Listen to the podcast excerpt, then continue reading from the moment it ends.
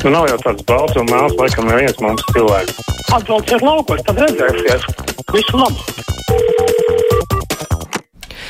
6722, 888, 672, 559, ir tālruņa numurs mūsu studijā. Jūs varat arī mums rakstīt, sūtot ziņu no mūsu mājaslapas. Jānis vaicā, kā būs pirmsvēlēšana laikā ar maldu un melu ziņām, jo gandrīz viss, ko sola pirms vēlēšanām, nav izpildāms. Tātad meli, kā šie cilvēki tiks sodīti par melu un nepatiešu ziņu izplatīšanu, vai kādam ir viedoklis. Jā, klausītāji varat paust savu viedokli par to. Es piebildīšu, ka parasti jau politiķi pēc tam saka, neizdevās. Nu, mums nesanāca, ne jau mēs vienīgie pieņem lēmumu. Tā ir tā atruna parastā. Klausītājs zvana brīvais mikrofons. Labdien! Labdien! Labdien! Paldies žurnālistam Tomsonam par vakardienas kruspunktu raidījumu ar Mārtiņu Priedotu. Tas tiešām bija izcils raidījums. Man uzskatā tas ir augstāks pat nekā gada raidījuma lai dot viņam tādu titulu. Tiešām ļoti izcili. Paldies Mārtiņam par viņa, par viņa gudrību un īstenību atbildēm. Paldies! Ir liels veids, paldies. Paldies par uh, patīkamu komentāru. Arī kolēģi Maidim noteikti būs prieks par to dzirdēt. Klausītājs zvana. Es ka es traucēju. Jūs netraucējat. Šis, kā lab, nu, Šis ir brīvais mikrofons. Kruspunkts, jā, Jā. brīvais mikrofons. Man ir tāds jautājums. Mīļie cilvēki, es jau esmu gados vecāki cilvēki, bet man ir jautājums, kāpēc mūsu valdība pieņem tādu lēmumu, ka iznāk tā, ka rīda mūs pret Krievu tautības cilvēkiem, bet viņi tā kā arī dzīvo. Par kuru lēmumu jūs domājat? Ar ko tā viņa rīda? Par kuru lēmumu jūs runājat? Es runāju par to, ka valdība ir pieņēmusi tādu lēmumu, ka izslēdz krievolidu, krievolodīgiem, uh, krievu valodā. Es nezinu, vai vajadzētu būt tikai pa Latviju. Ko izslēdz? Tā tas nav. Ko tad valdība ir izslēgusi? Valdība, man liekas, nekādus tādus lēmumus nav pieņēmusi. Ja runa ir par televīzijām, tad ir runa par propagandas televīzijām, nevis Krievu televīzijām, piemēram. Labi, klausītājs zvana. Labdien!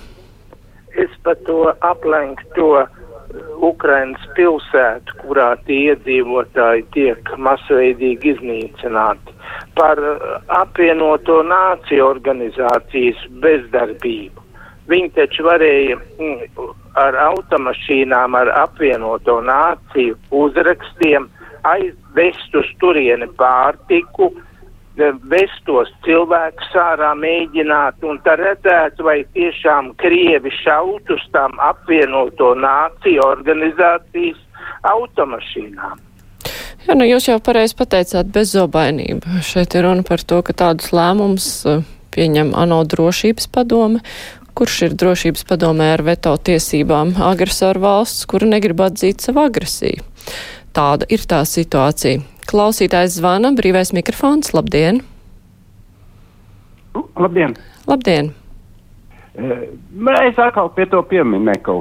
Es atceros savā laikā, ka latvieši gribēja iet pie brīvības pieminieku, tad Daumans Znatnais tur uzrīkoja velo sacensības un uzstājās ak vēl runu. Varbūt viņš arī tagad pie tā uzvaras pieminieku varētu kaut ko tādu sarīkot. Jā, vēl viens variants. Jā. Klausītāja Vita raksta, šajā laikā krīt maskas un redzam, kas ir kas. Prieks par Alfa Elandu, baibas ipinieca gavari par viņu drosmu un neklusēšanu, bet daži joprojām nevar skaļi pateikt saviem Krievijas faniem taisnību par karu. Ukrainā. Klausītājs Guntis savukārt raksta, ja Krievija atslēgs gāzi Eiropai vai Latvija atslēgs gāzes padevis Sanktpēterburgai no Inču kalna, otrā Krievijas pilsēta paspēs nosalt. Par gāzi, starp citu, rīt raidījums kolēģim Aidim Tomsonam. Viņš gan vairāk par gāzes tirgu vai Eiropu var atteikties. Par to Krievijas ultimātu, ka rubļos pieņemšot tikai maksājumus.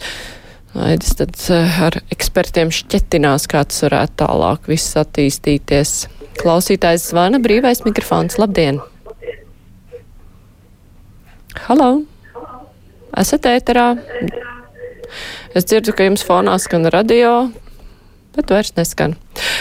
Tā klausītāja Liena raksta, mans sakāmais par tēmu maldi un meli. Krievija tikai ir rullējusi ar maldiem un meliem gandrīz 100%. Izrādās runas un demagoģija par Krievijas armijas varenību arī ir tīrākie meli. Ukrainas karš norauj visam maskas. Krievijas armija nav varena, nav vērts no tās baidīties. Tā mums raksta klausītāja Liene, bet es ceļu klausuli. Brīvais mikrofons. Labdien! Labdien! Es gribēju divus jautājumus pajautāt. Ziniet, es skatījos um, kārtības roli. Annis Kaktiņš tur uzstājās un Regina Ošmel. Es gribētu Annim Kaktiņam mm, ierosināt 9. maijā aiziet pie brīvas pieminekļa ar saviem mm, tiem darbiniekiem un veikt aptauju. Nevis pie brīvības, bet pie uzvaras atvainojiet. Uh, un veikt aptauju, cik no tiem krieviem būtu gatavi jau rīt braukt uz Krieviju un karot Krievu pusē, vai kāds no viņiem būtu. Un tad mm, Regīnai Lošmelē viņa pārmeta, ka latvieši pie visa vainīga, mēs neesam Krievus integrējuši. Cik viņa pati Krievus ir integrējusi? Un vai, ja tagad no Krievijas brauks iekšā, vai mēs vispār spēsim tik daudz integrēt Krievus šeit? Jā, paldies. Jā, tas aptauja pie tā pieminekļa. Tas būtu jā, interesanti. Klausītājs, eh, klausītāja Agita raksta, valdība pieņēmusi nepareizu lēmumu. Kādu lēmumu? Nu, nezinu. Tāds izstāsts no mūsu pieredzes. Klausītājs zvana brīvais mikrofons. Labdien! Halo! Esat ēterā, jums ir jārunā. Nē, nerunā klausītājs. Tā klausītāja veltu savukārt interesēs, kā būs ar zelta ziltiņas logo ZZ, ko saka Tele2. Jā, nu kā jau dzirdējām raidījumā pusdiena, tas sagādā galvas sāpes. Šie te zēburti tiem uzņēmumiem, kuriem tas ir bijis kādā, kā sauc to zīmolā. Klausītājs zvana brīvais mikrofons. Labdien! Halo, labdien! Sveiki! Sveiki!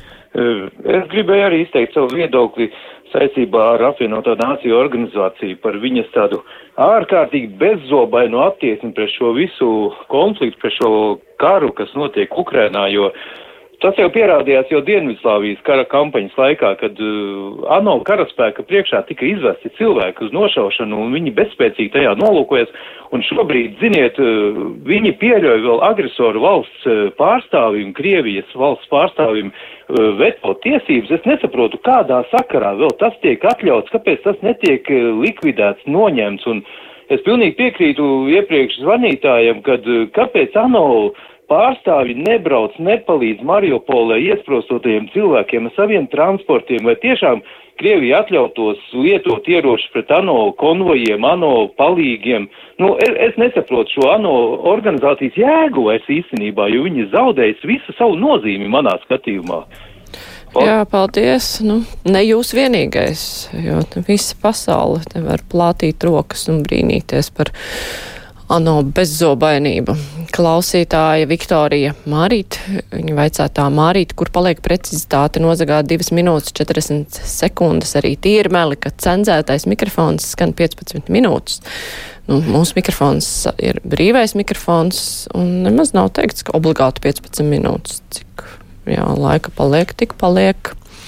Klausītājs vana dzirdam gan. Da, labdien! Labdien. Es tai, tam, tantiņai gribētu pateikt, nu, ka vajadzētu Krievus zēlot. Neviens jau nekurina pret viņiem. Jūs paskaties, kādi viņi ir. Uzveciet katram otram, pa ko viņš ir. Viņi visi pa Putinu. Un tā jūs vēl liek, liek viņu, lai mēs žēlojam. Vai viņi mūs žēlojuši? Neko nav žēlojuši. Jā, klausītājs, klausītāja Alisa raksta, ANO tad ANO, bet Ukraiņi ir ļoti sašutuši par starptautiskā sarkanā krusta bezdarbību Ukrainā. To vien dzirdot, tur neiesim, tur nebrauksim, tur ir bīstami, kamēr Ukraiņu sarkanais krusts tā rādā vaigas viedros. Es tā neesmu līdz galam pārliecināta, bet man šeit, ka rīt divās puslodēs varētu būt runa par šo arī cita starpā. Klausītājs zvana. Labdien, brīvais mikrofons. Halo! Labdien! Labadiena! Redziet, patreiz iet ļoti daudz polemikas par to, ko tieši kāda attieksme ir Latvijā dzīvojušiem krieviem.